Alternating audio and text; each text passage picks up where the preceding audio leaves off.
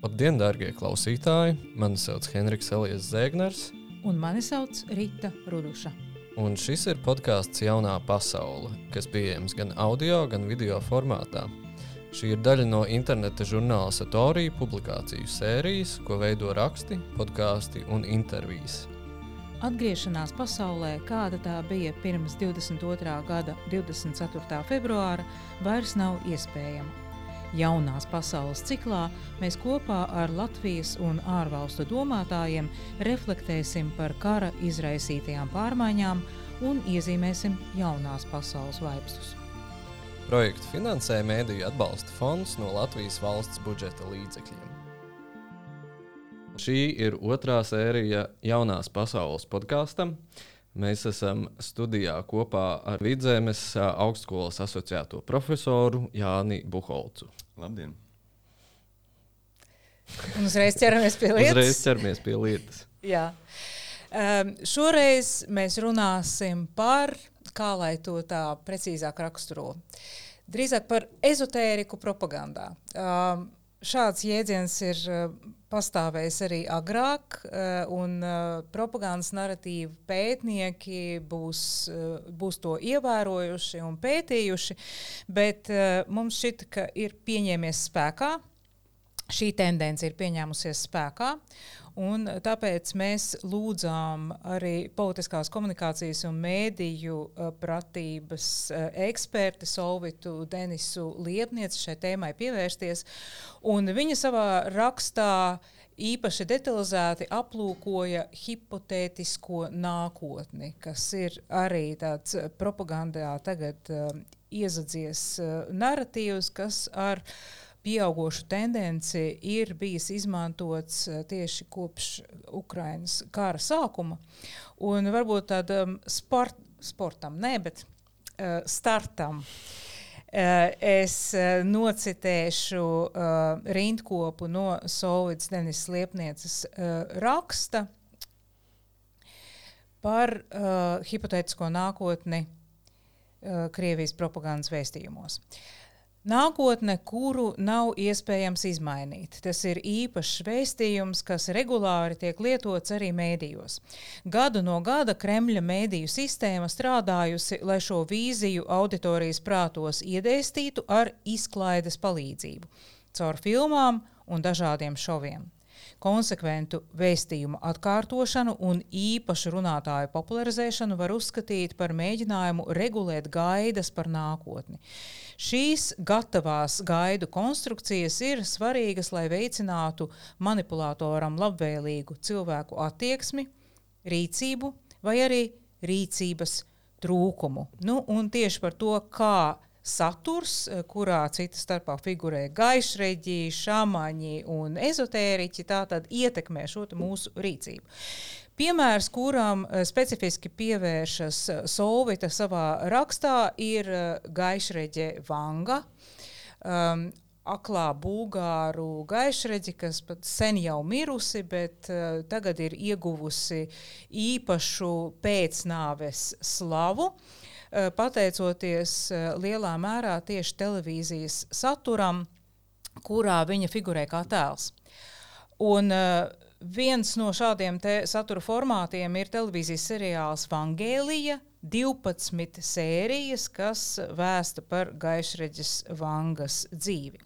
Šis seriāls ir uh, bijis rādīts arī uh, Latvijā, uh, toreiz vēl LNT kanālā. Uh, Um, un, uh, protams, ka līdz tam brīdim, kamēr vēl uh, nebija aizliegta Krievijas propagandas kanāli, arī cita veida saturs, kuros ir gaišreģi, šāmaņi un ezotēriķi, mums bija pieejams. Arī tagad tas ir uh, mums pieejams uh, caur sociālajiem tīkliem un, un citām platformām. Uh, pēc šī, atvainojiet, varbūt pārāk garā ievada, es gribētu uh, pievērsties uh, jautājumam par to, tātad vanga, gaišreģi, ezotēriķi, šāmaņi, mūsu pašu karmas latvieši.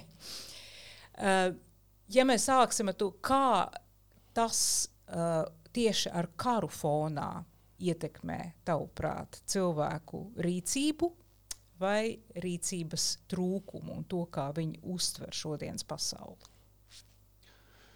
Karš, manuprāt, tajā visā ir nenoliedzami svarīgs, svarīgs elements, bet vairāk tas droši vien, droši vien jāsāk ar to, ka, ka tas viss ir ļoti auglīga, auglīgs materiāls arī, arī situācijā, kurā nav kara un kurā viss ir relatīvi mierīgi. Jo stāsts ir par ko? Stāsts ir par to, ka ir noteikta sabiedrības daļa, kura dzīvo šādā, šādā pasaulē, kuriem ir noteikti uh, uzskati par to, kā lietas darbojas, par to, kā reālas lietas ir, ir tādas, ka var paredzēt nākotni, ka var redzēt auras un, un, un čakras tīrīt un, un tam līdzīgi.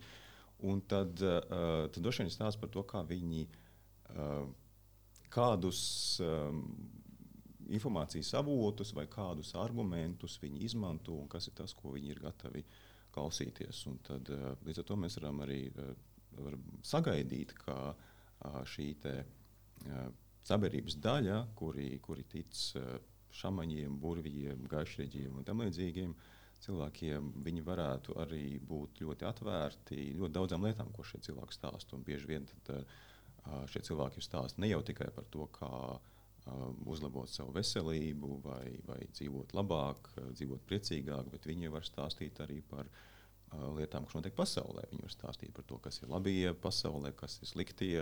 Tad, ja kāds šāds uh, gaišeģis vai burvis uh, sāk arī sniegt komentārus par starptautisku situāciju un par to, kas, kas, uh, kas notiek kaut kur un kāpēc kaut kas notiek un kurš ir vainīgs un kurš nav vainīgs, tad attiecīgi mums jau parādās tāds nākamais uh, nu, problēmas līmenis. Jo viena, viens tas pamat problēmas līmenis vispār ir tas, ka cilvēki mēdz uh, Uh, izdarīt ļoti svarīgus savas dzīves lēmumus, balstoties uz uh, informāciju, kurai varētu būt ļoti maz sakars ar realitāti. Bet nākamais ir, ka uh, nu, tas vairs nav tikai par viņu pašu dzīvi, tas ir par uh, ļoti daudzām citām dzīvēm. Tas ir stāsts par starptautisku situāciju, tas ir stāsts arī par to, par ko mēs balsojam, ko mēs esam gatavi atbalstīt. Uh, Vai un, mēs esam gatavi potēties? Uh, arī droši vien arī, arī, arī tas ir. Un, un, protams, ka potēšanās jau arī ir stāsts, kas, kas ir gan individuāls, gan, gan kolektīvs. Jo nu, tas, cik, cik daudz cilvēki kaut ko dara vai nedara, tam, tam ir arī tādā, tādā uh, plašākā sociālā līmenī ietekme. Tāpēc jā, nu, tās, tās visas lietas tiešām kaut kādā brīdī, kaut kādā līmenī mēdz būt ļoti saistītas, un viņām var būt arī diezgan, diezgan pamatīgs efekts eh, nu, ne tikai uz individu, bet arī uz sabiedrību. Bet kāda ir tā mehānika? Uh, es patērēju šādu saturu, uh, piemēram, kurā parādās gaišreģe vai stāsts par gaišreģi, kur nākotnē jau ir determinēta. Mēs zinām, ka notiks tieši, tieši tā. Es tam ticu. Un, ja piesaucot šo gaišu reģi, tad tā, tā kļūst par tādu viedokļu līderi. Ja?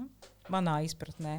Un mm. tad, ja šis viedokļa līderis eh, vai, vai kāds, kas interpretē šo, piemēram, nelaiķis vangas eh, pareģojumus, saka man, ka Amerika ir ļaunums, eh, ka Ukraina ir ļaunums, tad tā, tad tas tādā aug, auglīgā augsnē iekrīt. Ja? Un tad tas ietekmē to, kā es uztveru. Nu, tā tā tas sanāk, jo Tātad lielā mērā tas ir par to, kas vispār ir mūsu informācijas avots. Tātad vispār kā tipisks cilvēks pieņem lēmumu par to, nu, kas ir labi un kas ir slikti. Kā vērtēt ASV, kā vērtēt Eiropas Savienību, kā vērtēt uh, Ukrainu, kā vērtēt Krieviju. Un, nu, droši vien, ka ir nu, daļa sabiedrības, kuri, kuri patērē normālus mēdījus, kuri klausās uh, tiešām ekspertus, kuri ir veikuši nopietnus uh, datos balstītus pētījumus, un, un, un kuru spriedumi ir balstīti demokrātiskās vērtībās, bet tad ir vēl kaut kāda cita grupa, kuri, kuri darbojas pavisam pēc citiem pieņēmumiem, pēc citām premisām. Un, un ja šie cilvēki ir ieguvuši sev uh, pietiekami lielu uh, atbalstītāju un sakotāju grupu, tad, protams, caur to arī šie cilvēki var, var ietekmēt uh, šīs sabiedrības. Uh, daļas eh, uzskatus par to, nu, kas tur notiek un kur ir labie un kur ir sliktie. Un Krievijā, man liekas, tā ir ļoti liela cilvēku grupa. Uh, es pieļauju, ka jā. Es varētu iemest arī ciparus, piemēram, The Foreign Policy bija raksts tieši par šo, par šo tēmu, par, par misticismu. Uh, Krievijā uh, kara kontekstā, un tur bija minēti šādi cipari, ka 60% cilvēku Krievijā tic maģijai, uh, Un uh, eh, 20% ir uh, nesenā kaut kādā pagātnē vērsušies pie gaišreģa vai pie zīlnieces, lai uh, uzzinātu nākotni. Bet nav jau jāskatās uz Krieviju. Mēs varam arī mūsu pašu statistiku pavērot. Tātad Latvijā uh, Uh, man šķiet, ka šis skaitlis ir saistīts. Varbūt Jānis uh, varēs to nointerpretēt uh, kompetenti.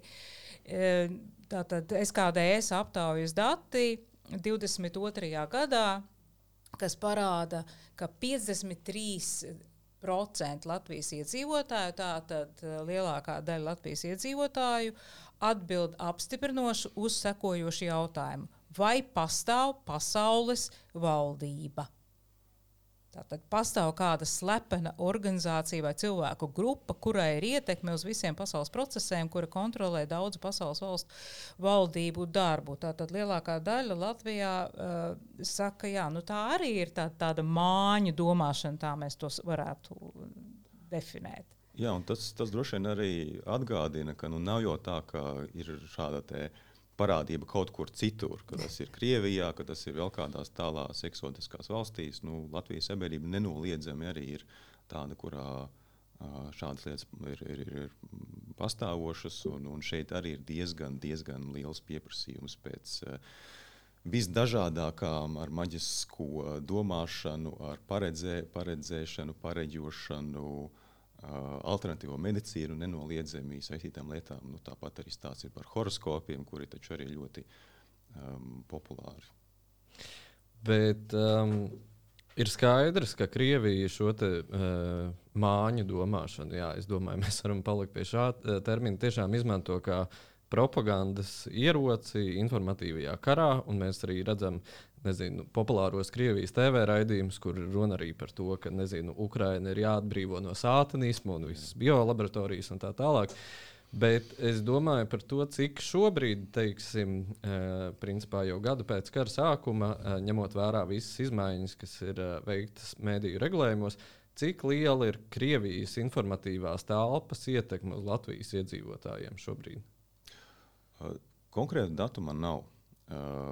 Un tas, ko es esmu dzirdējis, uh, fragmentāros, tiešām atzīšu ļoti fragmentāros uh, nostāstos, kuri var atspoguļot un var neatspoguļot realitāti, tā, tā, tā aina var būt gājusi ļoti dažādos virzienos. Tad ir uh, gadījumi, kur cilvēks ir. Uh, kurš nav varējis skatīties savus īmīļotos Krievijas televīzijas uh, raidījumus, viņš pēkšņi atklāja, ka ir arī vēl citi uh, mēdīji, un ka ir arī rietumnieciski mēdīji, un ka arī Latvijā šeit kaut kas ir. Viņš pēkšņi ir ieraudzījis, ka ir taču cita, realitāte, un viņš vienkārši tiešām sāk arī uz lietām skatīties citādāk. Bet nu, tādā pašā laikā mums nevajadzētu būt naiviem. Un, uh, Domāt, ka ja cilvēkam pēkšņi nogriež viņa Krievijas televīziju, tad viņš tiešām arī vairs par šīm lietām neinteresējas. Viņš pēkšņi uh, sāk ļoti aktīvi patērēt rietumnieciskus vai, vai Latvijas mēdījus un pēkšņi ar visu pārvērtēt savu uh, domāšanu. Jo tāpat arī šos Krievijas mēdījus ir iespējams skatīties citādākā veidā. Ir nelegālā televīzija, ir internets un tam līdzīgi.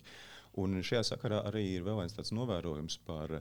Par, par Facebook saturu. Jo, jo, jo Facebookam ir tāds rīks, ko sauc par Crowd Tangle, uh, kas visu laiku pastāvīgi apkopo, kas ir tie ieraksti, kas ir tas saturs, kurš Facebook grupās un lapās uh, katru dienu ir populārākas. Tad var paskatīties, kas ir tas saturs, kurš ir, kuram ir vairāk šīs iesaistes, šo klikšķu komentāru, lai to šīs patīku un citu atzīmi nekā, nekā vidēji.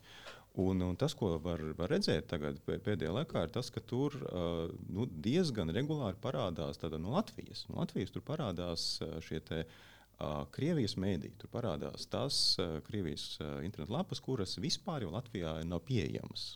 Vienkārši tādi cilvēki šeit, Latvijā, acīm redzot, turpina atrast veidu, kā šo saturu patērēt. Tāpēc nu, nebūs jau gluži tā, ka ja mēs to nobloķēsim, tad ar to viss problēma atrisināsies. Mm -hmm.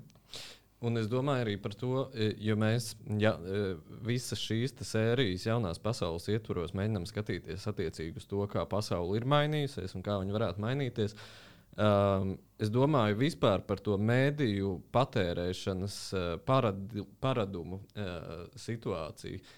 Viens tāds, man liekas, piemērs, kas ir īpaši ar kara sākumu aktivizējās, bija tas, ka ļoti liela daļa cilvēku, piemēram, sāka telegramā, sakot dažādām grupām un uh, uzņemt informāciju no turienes. Kas, tavuprāt, ir tās būtiskākās uh, izmaiņas tajā, kā, kā sabiedrība iegūst informāciju? Nu, tieši pēdējā gada laikā varbūt.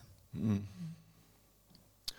Uh, es domāju, ka jā, šī te, šīs te norādes par, par, par privātajiem informācijas kanāliem ir viens no tiem, kas jāņem vērā. Tur ir arī no pētniecības uh, aspekta tā ir uh, um, tie zinām sarežģījumi, tāpēc ka šī komunikācija jau nav pārredzama. Līdz ar to tur var būt ļoti daudzas grupas, kurām vienkārši nav iespējams sekot, tāpēc ka viņas nav publiski pieejamas. Uh, Un līdz ar to mēs, mēs varam sagaidīt, ka, ka, ka noteikti daļa no šīs informācijas aprīts tiešām šādās grupās uh, darbojas. Nu, tas noteikti ir viens no tiem, bet nu, tādā pašā laikā es domāju, ka arī uh, masu mēdīju, žurnālistikas mēdīju uh, savu lomu nezaudē. Es pat pieļauju, ka uh, ir jomas, kurās arī, arī labie žurnālistikas mēdīji pat uh, no tā iegūst, tāpēc ka cilvēki diezgan arī spilgti apzinās, ka uh, Mums apkārt ir ļoti daudz nekvalitatīvas informācijas, mums apkārt ir daudz manipulāciju, mums ir daudz propagandistu.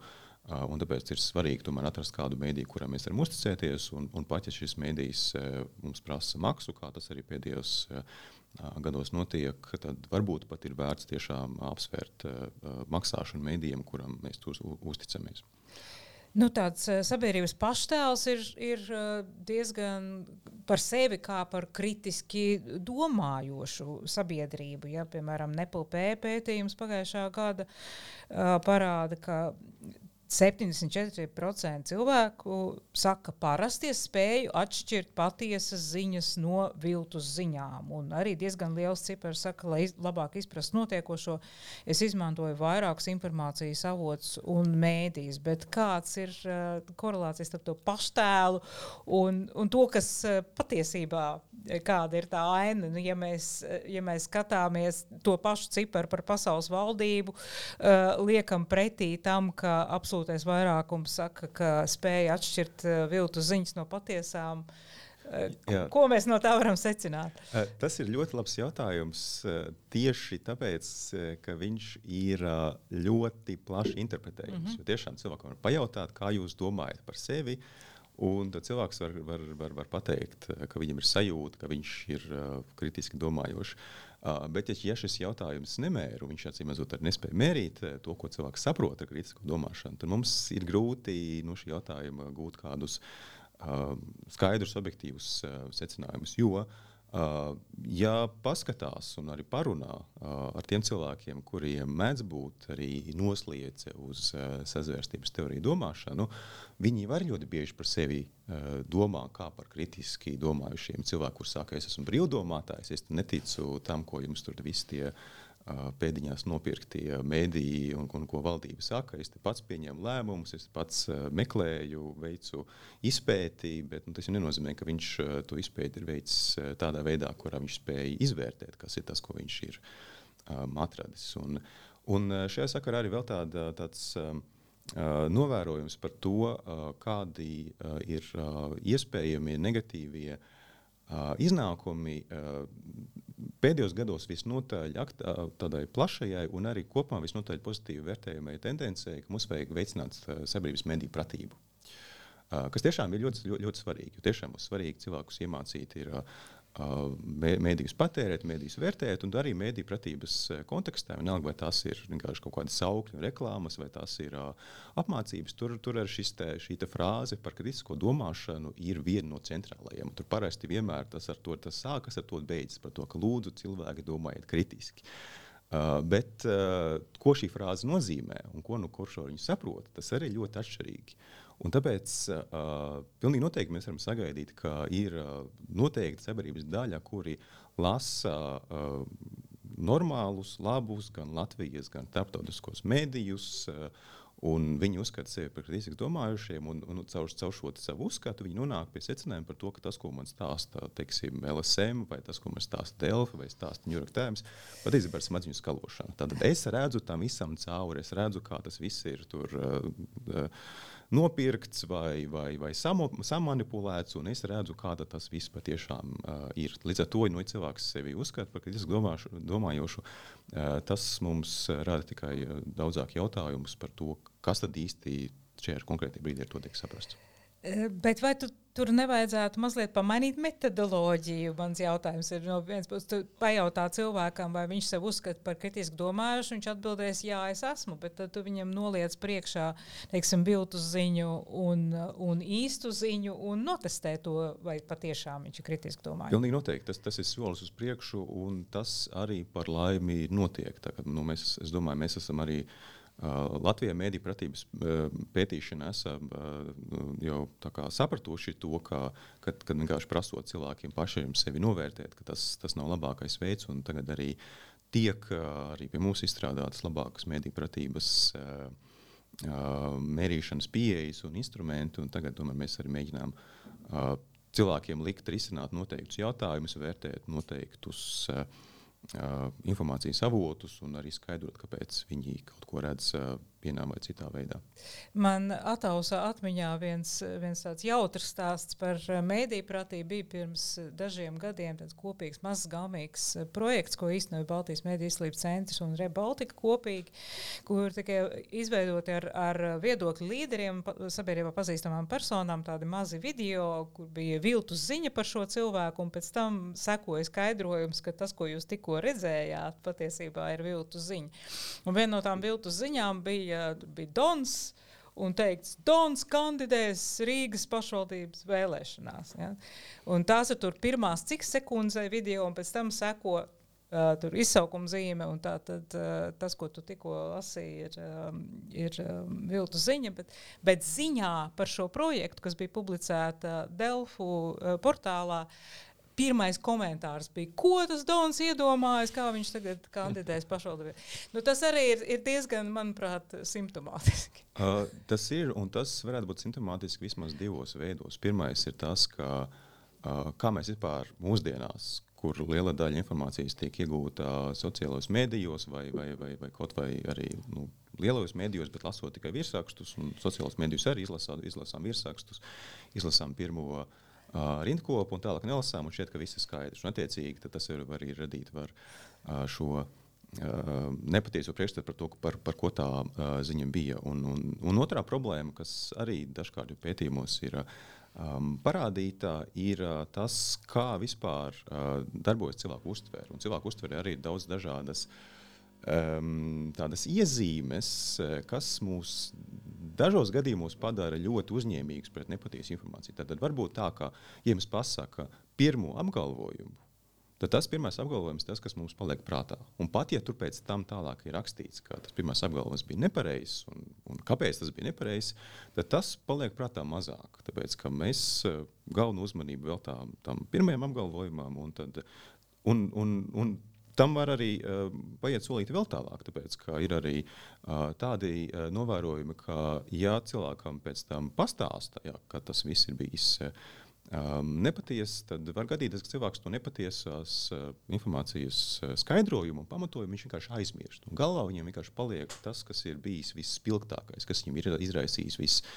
Uh, lielākās um, emocijas, kas ir vienkārši šķitas viss uh, interesantākas. Un tāpēc mēdz būt arī, arī situācijas, kurās cilvēks skatās mākslas filmu, nu, spēļu filmu. Kas mēdz būt balstītas uz patiesiem notikumiem, bet nu, viņas bieži vien ir tur izskaistinātas, izpušķotas, lai būtu dramatiski interesantākas. Un cilvēks jau to zina. Viņš iet uz kinoteātri, viņš jau zina, ka tā nav dokumentāla filma.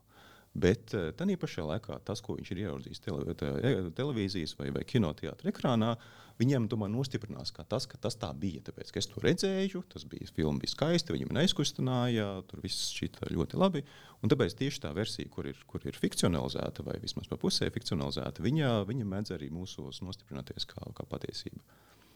Jā, man liekas, arī var ļoti labi redzēt to uh, atkal tajā Krievijas piemērā, ka tieši šajā izklaides uh, nosacītajā žanrā, vai filmas, vai raidījumā, tur ir uh, nu, Holivudas pieeja brīžiem specifiktu ziņā, un ir skaidrs, ka tur tas viss tiek uh, ļoti dramatiski taisīts.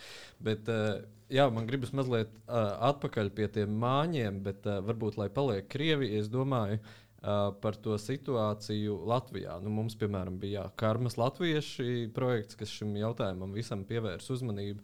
No otras puses, tiešām Covid laikā mēs redzējām diezgan tādu aktīvu kustību ar cilvēkiem, kas tic uh, pasaules modelim, kuru es pat īsti nezinu, kā noraksturot, dažādiem pasaules modeļiem.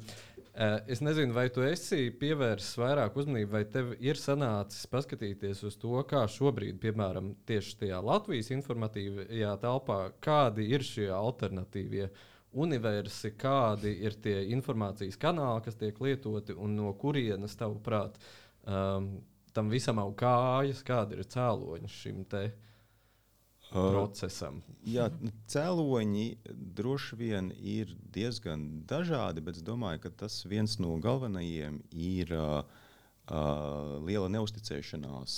Uh, tam, ko varētu saukt par oficiālām struktūrām. Tātad uh, valdība un, un masu mēdīji, kuri bieži vien arī tiek uh, uztvērti kā, kā daļa no vienas sistēmas. Tad valdība kaut ko grib, viņi uh, samonipulē mēdījus, kas realitātē īsti tā, tā nedarbojas, bet cilvēkam šķiet, ka darbojas.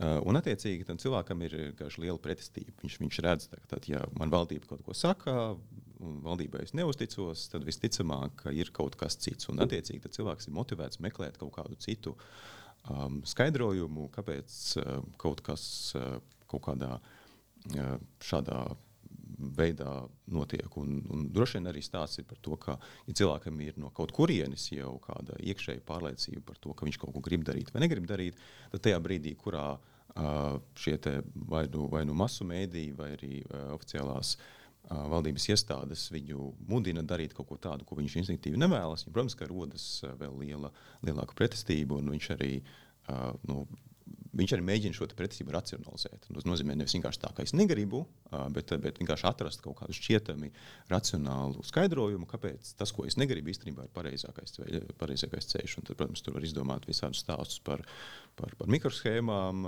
kas ir vakcīnās, vai par to, ka, ka cilvēki masveidā sāk smirt pēc, pēc gada, pēc mēneša vai, vai vēl pēc kaut, kaut kāda cita laika un, un, un, un tam līdzīgi. Un vienlaikus, teiksim, vairāk tajā karmas latviešu kontekstā mēs arī redzam, ka ir cilvēki, kas uh, izmantojot šādus līdzekļus, principā veido biznesu. Jā, noteikti. Tā, tā, tā ir ļoti, ļoti acīm redzama, ļoti laba biznesa niša. Ir skaidrs, ka cilvēkiem ir problēmas. Tas ir pilnīgi normāli. Mēs, mēs, mums katram cilvēkam ir, ir kaut kas, jā, kas mūsu dzīvē nepatīk, un ir kaut kas, ko fiziski iespējams atrisināt. Nu, ir, ir slimības, kuras vienkārši modern, modernā medicīna nespēja risināt. Uh, ir vēl teiksim, ir naudas grūtības, ar ko cilvēks uh, nespēja tikt galā, ir kaut kādas attiecību problēmas, kurām viņš neredz risinājumu. Bet ir cilvēki, kuri piedāvā, kur piedāvā risinājumu. Cilvēks saka, lūk, tev vajag domāt noteiktā veidā, tev vajag kaut ko darīt, tev vajag noziedot man naudu, lai mums būtu tā saucamā enerģijas apmaiņa un tam līdzīgas lietas. Un, un, un, ja cilvēks ir izmisumā, viņš bieži vien ir izmisumā.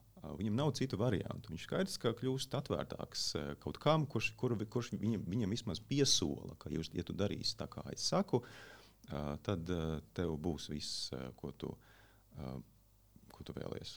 Principā tas droši vien ir arī kaut kādā mērā, es nezinu, labklājības indikators. Ja, sabied, nu, ja teiksim, ir cilvēki, kur ir jā, dažādos labklājības rādītājos, droši vien kaut kādā zemākā punktā, tas uh, veicina viņu uzticēšanos dažādiem pesteļotājiem. Uh, ziniet, es pat nedomāju, ka tas ir tik ļoti ar labklājību. Jo, nu, paskatīsimies kaut vai uz cientoloģijas baznīcu, kas ir rietumos populāra. Tur taču ir virkne ļoti, ļoti bagātu, slavenu cilvēku, kuri ir viņai pievienojušies. Nu, Droši vien, ka ir kaut kādi skaidrojumi, kāpēc noteikti sabiedrības grupas eh, pievēršas eh, šāda veida eh, domāšanai, bet es nedomāju, ka tas ir kaut kas, kas ir ekskluzīvs tikai tādiem cilvēkiem, kuriem ir kaut kādas finansiālas problēmas vai vēl kaut kas tāds, kas viņus tā būtiski atšķir no kaut kāda teiksim, vidējā Latvijas iedzīvotāja. Cik liela loma pastiprinoša šajā ir sociālajiem mēdījiem, tavuprāt? Vai nav pastiprinoša? Nē, nu, sociālajiem mēdījiem tā problēma, kas parādās daudzos kontekstos, ir tas, ka uh, sociālai mēdīji pastiprina to saturu, kas ir populārs. Tātad, ja mums ir saturs, kurš ir spējis piesaistīt pietiekami daudz cilvēku, tad sociālajā mediju uh, platformā saprot, ka šis ir kaut kas tāds, kas cilvēkiem interesē. Un tad, attiecīgi, viņu var rādīt vēl daudziem uh, citiem cilvēkiem tālāk. Un tad, uh, nu, šādā veidā mēs varam arī uh, skaidrot, kāpēc kaut kādas noteiktas lietas, kas ir nepatiesas, kas ir dažkārt bīstamas, uh, dažkārt viņam nav nekādas uh, saistības ar realitāti, bet kuras toties izraisa cilvēkus noteikts reakcijas, cilvēkiem gribas komentēt, padot tālāk, vēl kaut kādā veidā klikšķināt, ka viņas nu, izveido šo vilni un viņas vienkārši sāk, sāk tikt ieteikts. Un arī ir, ir bijuši šie novērojumi par to, ka nepataisa informācija sociālajos medijos mēdz ceļot krietni ātrāk un krietni tālāk nekā patiesā. Un, attiecīgi, tas ir arī tāds faktu pārbaudītāju tādā nu, lielā un īstenībā neatrisināmā problēma, ka viņi pēc tam var mēģināt kaut ko par to darīt. Viņi var rakstīt atspēkojumu rakstus, viņi var sniegt faktus. Bet ir ļoti liela iespēja, ka šie atspēkojumi nesasniegs tik lielu auditoriju, kā tas sākotnējais cilvēkus piesaistošais vēstījums. Tur nav emociju. Uh, tur vai nu tur nav, vai arī tās, tās emocijas ir tādas, ka nu, negribas, ka kāds sabojā manu uh, pasaules uzskatu, ka kāds sabojā manus, manu, manu pārliecību par to, ka es zinu, kā, kā lietas notiek. Jo skaidrs, ka arī šīs te, uh, ticēšanas nepatiesām informācijām, viņas ir cieši saistītas ar cilvēku identitāti. Tātad, nu, cilvēki investē savas, savas jūtas, savu, savu, savu laiku, savu nezinu, lasīšanu, iedziļināšanos šajās tēmās. Un, ja ar cilvēku kaut kas norezonē, piemēram, tur, nezinu, šis pats stāsts par, par pasaules valdību, cilvēks varbūt kaut kur lasa kādus arī pēdiņās atmaskojošus rakstus par to, kā tas viss saistīts, un cilvēks tas norezonē. Uh, nu, viņiem ir grūti no tā pēc tam atteikties. Grūti ir, ir, ir secināt, ka varbūt tiešām es tiku maldināts un ka tas būtu varbūt nemaz, nemaz tā nav. Un ja to arī uh, šie mēģinājumi uh, par to diskutēt, un mēģinājumi uh, apgāzt šādus uzskatus, viņi, viņi, viņi sastopas ar ļoti lielu pretestību. Tā pretestība lielā mērā ir saistīta vienkārši ar to, kā uh, psiholoģiski cilvēki uztver informāciju un kā viņi viņu uh, iekļauj savā, savā domāšanā. Man liekas, šajā kontekstā tieši um, it īpaši pagājušā gada februārī, martā bija runas par to, ka, piemēram, ko darīt cilvēkiem, um, Krievijā, kur attiecīgi ir principā pilnā mērā iedzīvojušies Krievijas propagandas uzbūvētajā pasaules uzskatā, un kā no tā ir iespējams tikt ārā. Jo principā tā propaganda ir tik eksistenciāla un tik visaptvaroša, ka uh, at, nu, pirmkārt ir jābūt kaut kādam triggerim, lai tu saprastu, ka tā ir visa. Um, konstrukcija. Konstrukcija, ir, bet otrs ir tas, ka, lai no tās tiktu ārā, tev ir principā jā, jāuzbūvē jauna identitāte. Jā, es domāju, ka, ja tas ir iespējams, tad tas ir ļoti grūti iespējams. Tāpēc, Uh, jo par šo dzīvošanu propagandas uh, vidē jau ir ļoti līdzīga kā, kā dzīvošanu uh, sazvērstības teoriju vidē. Jo sazvērstības teorijas arī šajā ziņā ļoti spēcīgas tieši tāpēc, ka viņas uzbūvē veselu domāšanas sistēmu. Tas nav vienkārši tā, ka ir kaut kāds viens apgalvojums par kaut ko. Un, un ir šīs te, um, sazvērstības teorijas, kuras parasti saistītas vēl ar kādām citām sazvērstības teorijām. Un, attiecīgi, cilvēks tic vienai, viņš tic arī daudzām citām. Tad vienkārši tas viss viņam šķiet ļoti loģiski. Uh, um, saskanīgs. Un tad uh, iedomāties, ka jūs varat tagad fundamentāli mainīt cilvēku domāšanu, fundamentāli mainīt tās premises, uz kurām ir balstīts viņa pasaules uzskats, uh, nu, daudzos gadījumos tas vienkārši naivi. Uh, tāpēc lielākā iespēja ir uh, spēt noķert kaut kādu brīdi, pirms tas viss ir nostiprinājies. Tad cilvēki var runāt, viņiem var uzdot jautājumus, viņiem var likt skaidrot, uh, var norādīt uz kādām iespējamas pretrunām vai uh, kaut kādā citādākā veidā ar viņu diskutēt un, un, un sniegt kaut kādus citus informācijas avotus. jā, bet tad, kad tas viss jau ir nu, nonācis tiešām līdz tādām domāšanas struktūrām, nu, es nesaku, ka tas nekad nav iespējams. Es nesaku, ka iespējams nekad uh, atpakaļceļš, bet, bet Tas ir ļoti grūti, un tur vienkārši kādas, kādas nezinu, mediju pratības kampaņas uztaisīt, eh, lai, lai, lai to risinātu. Nu, ar, ar to nepietiks. Nu, varbūt Krievija ir ekstrēms gadījums. Eh, pie mums cerams, ka tomēr vēl ir iespējams kaut kādas darbības, kas nav naivas. Mēs iezīmējām diezgan, diezgan tādu uh, biedējošu ainu patiesībā. Jā, uzticības līmenis ir, ir zems mēdījiem. Es arī pat esmu to, to pētījusi, un turklāt ar lejupējošu tendenci. Uzticēšanās demokrātiskajām struktūrām ir zema, uh, ticība uh, karmas latviešiem ir augsta, turklāt tas ir pelnošs bizness, sociālie mēdīji to visu amplificē. Uh, Nu, no kā sāksim? Vai? nu, tāds maziņš jautājums uz beigām. Kaut kas jau notiek. Mēs beidzot tomēr dot tādu zemesvītras atsauci, ka nu, tiešām mēdīju pratībā Latvijā ir ļoti daudz izdarīts pēdējo teiksim, piecu, piecu gadu laikā. Nu, tas varētu būt viens virziens, bet varbūt iezīmējam tādu Uh, laukumu, kā, kā runāt ar, ar cilvēkiem, kuriem veidojas šāds uh, māņu domāšanas. Droši vien, ka labākais veids, kā cilvēks cilvēku runāt, ir runāt tā, ka, ka viņi nesajūtas, ka viņiem tiek uzbrukts. Jo tā, tā bieži vien tas, tas, kā tas notiek. Tātad man pretī ir cilvēks, kuram ir ielikās kādi radikāli pretēji uzskati. Cilvēks tiešām varbūt tic šeit pasaules valdībai, viņam ir kaut kāda noteikta jau uh, radīta kaut kāda viņa, viņa prātā. Uh, kāda cilvēku, vai varbūt pat ne cilvēku, bet kaut kādu citu radību grupu, kas viņa prāt to visu kontrolē. Tad man šeit bieži vien tā kļūda ir uh, to sarunu veidot tā, ka cilvēks jūtas, ka viņam pašam uzbrūk. Ne jau tikai mēs runājam par faktiem, bet ka uzbrūk jau manai pārliecībai. Uh, Un šis uzbrukums manai pārliecībai nenoliedzami izraisa pretreakciju un vēl lielāku pieķeršanos tai savai pārliecībai. Un, tāpēc droši vien ka, nu, ir, ir jāmēģina atrast veidu, kā par šīm lietām runāt, tā ka cilvēki nesajūtas, ka viņiem, ka viņiem uzbrūk, ne, kad, kad, kad nezinu, ka uzbrūk viņu, viņu pārliecībām, viņu vērtībām, viņu, varbūt arī viņu cerībām, faktiski viņu cerībām, ka viņi atrisinās kaut ko tādu, kas viņus uh, um, uztrauc. Tā kā, nu, kaut kādā ziņā tas ir stāsts par komunikāciju, bet arī tādu ļoti specifisku, ļoti pārdomātu uh, komunikāciju. Un droši vien jau arī uh, nevajadzētu cerēt, ka iespējams ir kādu vienu pieeju uh, uzrunāt pilnīgi visus, jo, jo es domāju, ka šīs te, uh, dažādi ticošo cilvēku grupas, viņas ir savā starpā arī diezgan atšķirīgas. Droši vien nav tā, ka tā ir visa kaut kāda viena grupa, un noteikti nevajadzētu domāt par to, ka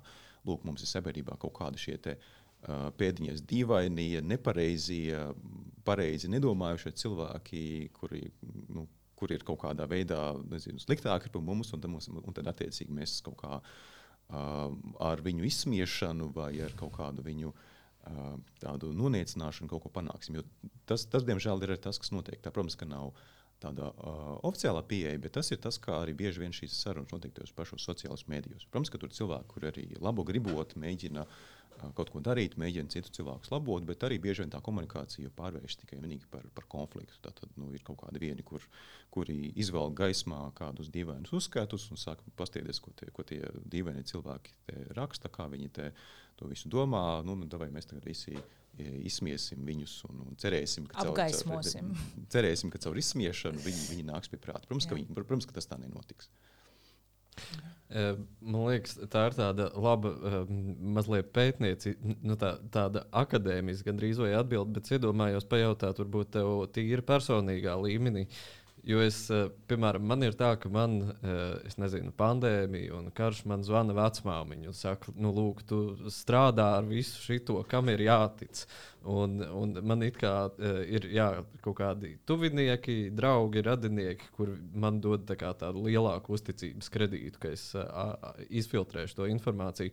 Bet jautājums, vai, piemēram, tev ir līdzīgi, un es nezinu, vai tev ir sanācis runāt ar kādu tuvu cilvēku, kas ir iekritis tajā alternatīvās informācijas straumē.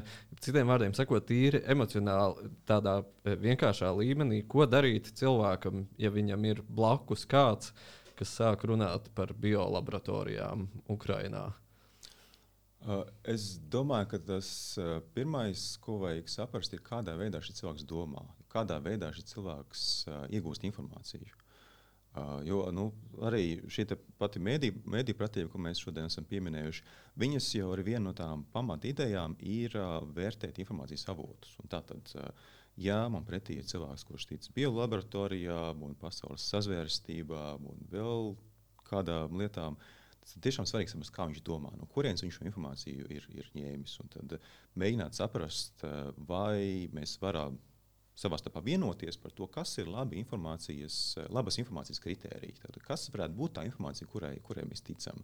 Uh, nu, skaidrs, ka var, varētu būt, ka tas cilvēks saka, nē, es neticu uh, sabiedriskajiem mēdījiem, es varbūt neticu Latvijas televīzijai vai kādiem citiem lieliem mēdījiem, bet te būtu kaut kas tāds. Nu, Nu, kam tiešām uh, tu tici?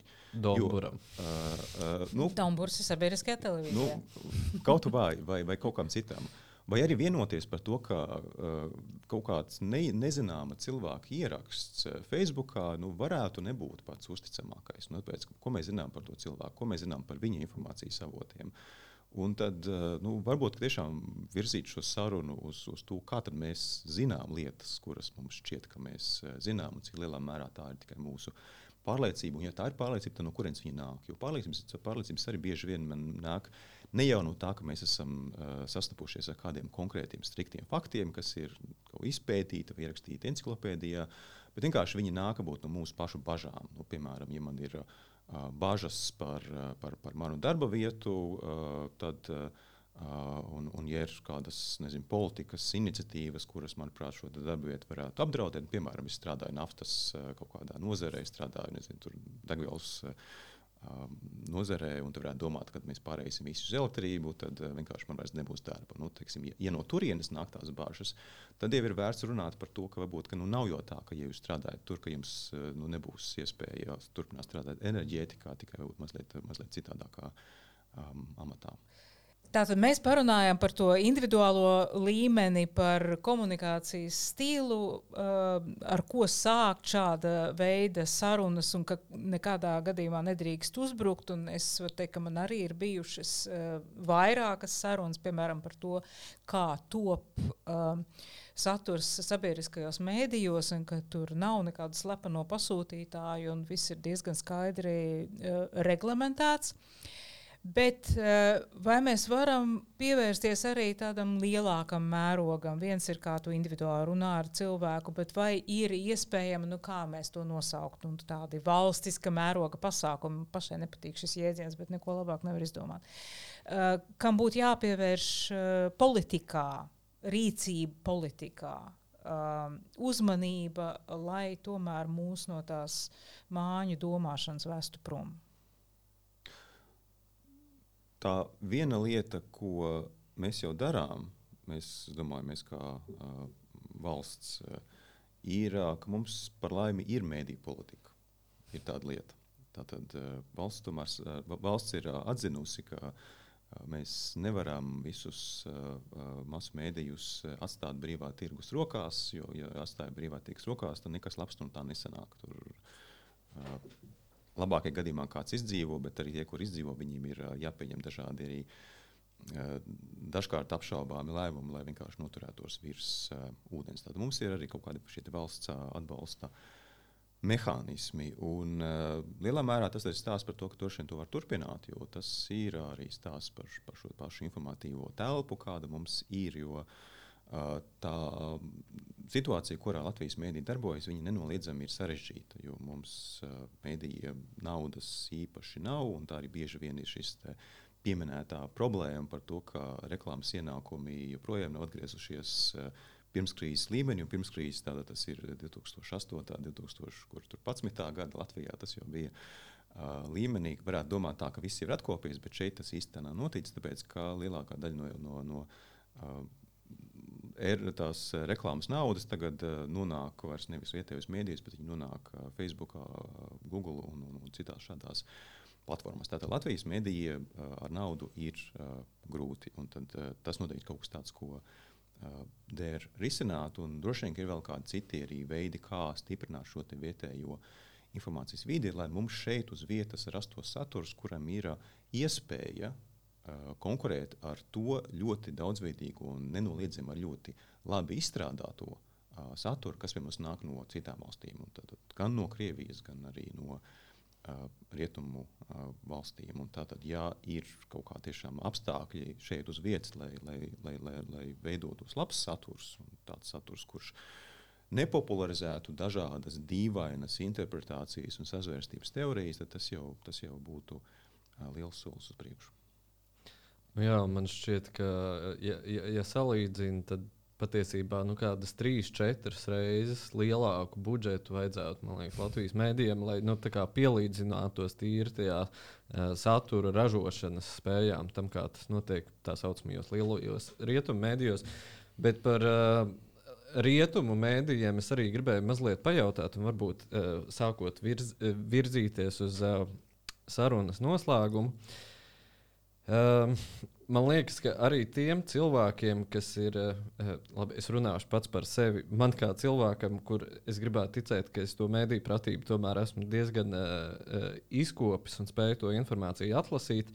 It īpaši tas pagājušā gada kara uh, eskalācijas brīdis bija tāds, ka no, ir, noorientēties informācijas plūsmā ir sarežģīti. Uh, Tāpēc, ka viņi ir ļoti, ļoti daudzpusīgi, ir arī pašam liela interese mēģināt rakties tālāk, un uh, viegli ir nokļūt zonā, kur par to informācijas uzticamību pārliecināties patiesībā ir ļoti, ļoti grūti. Un līdzās tam savukārt aktualizējās arī saruna, ka jā, ir piemēram tā saucamie rietumu mēdīji, lielie, kuriem mēs uzticamies un kas ir tas garants. Bet savukārt tajā brīdī, kad ir runa ne tikai par uh, ziņām, bet piemēram par narratīvu veidošanu vai par dažādiem viedokļiem, mēs tur saskaramies savukārt ar kaut kādu nevienmēr. Uh, īstenu līdz galam precīzu izpratni par, piemēram, Ukraiņas specifiku vai par Austrumēropas specifiku. Uh, uz visa šī fona, es domāju, varbūt vienkārši jautājums ir par to, kādi ir tavi mēdīju patērēšanas paradumi, vai viņi ir mainījušies kara laikā, kāda ir tev tā mēdīju rutīna? Uh, es nedomāju, ka viņi ir fundamentāli mainījušies. Skaidrs, ka tas, uh, nu, tas pamats ir Latvijas mēdīji un arī daži no lielajiem rietummēdījiem. Tas ir BBC, tas ir The Guardian, tas ir uh, New York Times uh, un, un, un, un šāda uh, veida mēdīja.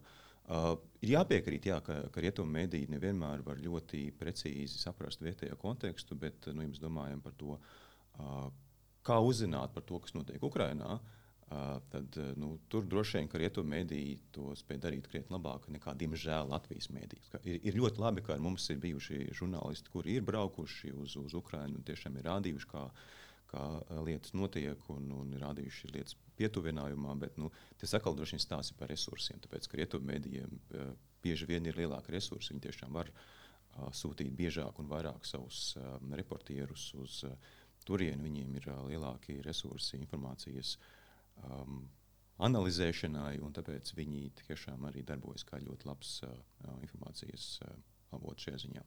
Nu, es, piemēram, uh, regulāri patērēju arī Ukraiņas mēdījus. Uh, katru dienu uz pilnē, kas ir uh, sabiedriskais mēdījis, un, un Hramatskē, uh, kas ir uh, neatkarīgs, uh, neatkarīgs mēdījis, ļoti, ļoti kvalitatīvu saturu. Uh, Uh, tiešām ražo, un tiem, kas varbūt nemācās ukraiņu valodu, kā es, bet, bet grib angliski to darīt, tad Hromatskē ir arī angļu versija. Un arī Kyiv Independent ļoti kvalitatīvi strādā. Un, protams, ka karš ļoti ietekmē to, kā mēs, kā mēs patērējam un ko mēs izvēlamies. Un es gribēju vienu ļoti specifisku platformu, par vienu specifisku platformu pajautāt vēl Jānim. Uh, Uh, tieši ka, kara fonā Telegram, kas ir uh, Krievijas radīta uh, platforma, ir uh, ieguvis kā, kā tīkls un kā informācijas avots ļoti, nevis kā avots, bet kā platforma, kurā ir daudzi avoti, ir e, iegūst lielu, lielu popularitāti. Es tam pieslēdzos jau kara sākumā, jo tas domāju, ka žurnālistam tas ir e, svarīgi. Bet es arī redzu, jo Telegram visu laiku stāsta, kādi jauni cilvēki ir sākuši to lietot. Es redzu, ka ļoti daudzi, kas arī nav žurnālistam, ir pieslēgušies. Um, kas, kāds tev komentārs būtu tieši par šo platformu un kas būtu jāņem vērā tiem uh, patērētājiem, kas varbūt nav žurnālists vai mēdīņu pētnieks, uh, tad, kad uh, viņš vai viņa leju pielādē savā vietā runī tieši šo?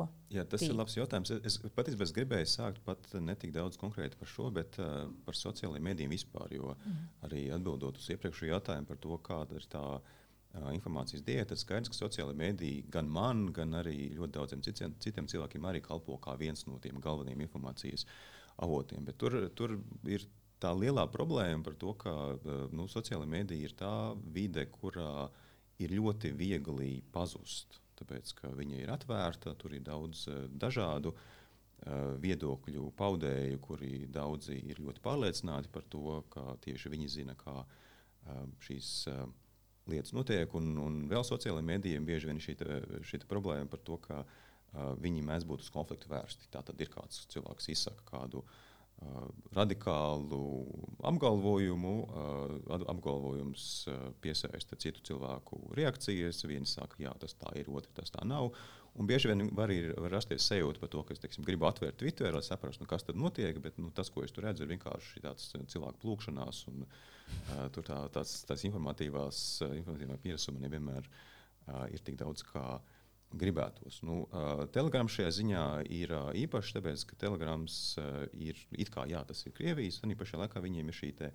Nevisai saprotamā pieeja attiecībā pret informācijas dzēšanu un pārvaldīšanu. Jo šādi un tad viņi to dara, bet viņi to, viņi to mēģinājuši darīt pēc iespējas mazāk. Viņi, viņi, viņi sevi ir nu, sākt gala pozicionējuši kā tādu vidi, kurā tiešām būs vārda brīvība. Un, ko, nu, un vārda brīvība šajā gadījumā šī vārda pozitīvajās un negatīvajās izpausmēs. Pozitīvās tādā ziņā, ka, ja jūs tur ierakstīsiet kaut ko kas kādam nepatiks, var gadīties, ka nu, viņš tur tā arī paliks un tur neatnāks valdība un to visu neizdzēsīs. Bet, protams, ka nu, cilvēki ir dažādi un arī cilvēku vārdu brīvību izmanto dažādi, tā skaitā, lai, lai, lai stāstītu lietas, kuras ir tiešām drausmīgas un par kurām mēs visi, visi varētu vienoties, ka viņiem tur nevajadzētu vispār eksistēt un nekur nevajadzētu eksistēt. Um, tāpēc, jā, nu, Instagrams tas ne Instagrams neatvainojiet, bet, bet uh, Telegrams ir, uh, ir, ir, ir tā vieta, kur, kur droši vien viss atkarīgs no tā, tieši kurus kanālus jūs esat uh, atraduši un kuriem esat uh, pievienojušies. Jo tur ir gan tādi, kas ir uh, par Krieviju, tur ir tādi, kuri ir pret Krieviju, tur ir tādi, kuri ir par Ukrajinu, kuri ir pret tur, tur ir tādi, kuri tiešām ir kādi, kā tā kā tiešā informācijas līnija no cilvēkiem, kuri tiešām zina, tad, ka ir kādi politiķi vai, vai varbūt arī cilvēki gluži vienkārši kara laukā, un tiešām ar to ir iespējams uzzināt. Uh, bet nu, tā pašā laikā nu, lasītājiem un sekotājiem nevienmēr ir iespēja tiešām tādā tiešā veidā pārliecināties par to, kas ir tie cilvēki, kas ir aiz konkrētā kanāla. Nu, tur arī viltus profilu diezgan daudz arī tieši kara kontekstā, bet šis mūs atkal atved atpakaļ eh, pie tā, no kā mēs sākām. Ka tad, kad ir saruna ar cilvēku, kurš ir māņu domāšanas varā, tad eh, būtu jārunā par to, kur tu gūsti to informāciju, kas ir tas avots, kas aiz tā avota stāv, uh, kas ir tie uzticības, uzticēšanās parametri tieši šim avotam. Jā, un uh, es domāju, ka tas ir svarīgi. Pilnīgi visi. No vienas puses, tā šķiet tāda frāze, kas ir skanējusi tik daudz, bet uh, man liekas, tur tiešām. E, es arī pats zinu, ka teiksim, Twitterī uh, ir tad, kad sākās karš, es piesakoju ļoti daudziem dažādiem jauniem, piemēram, ukrāņu žurnālistiem un tā tālāk. Bet tajā visā apmaldīties ir viegli, pat, eh, pat tam nopietni pievēršot uzmanību. Un, eh, Pēc tam sapratu, jo arī man liekas, Twitterī vienkārši kam tu sako, var eh, ļoti viegli pavilkties uz kaut ko tādu, kam gribētos sakot, vai ne? Un, un, un tiem um, informācijas pavadieniem, kuriem mums gribās ticēt. Um, ja mums nav nekādu finālu repliku, tad es domāju, mēs varam šo sarunu noslēgt. Uh, pie tā arī paliekam, uh, domājam par to, ko mēs lasām, domājam par to, ko un kā mēs runājam, uh, nekliedzam viens uz otru. Paldies, Jāni! Paldies, Rīta! Paldies, skatītāji un klausītāji! Tiekamies nākamajā podkāstu epizodē. Visu labu! Visu labu.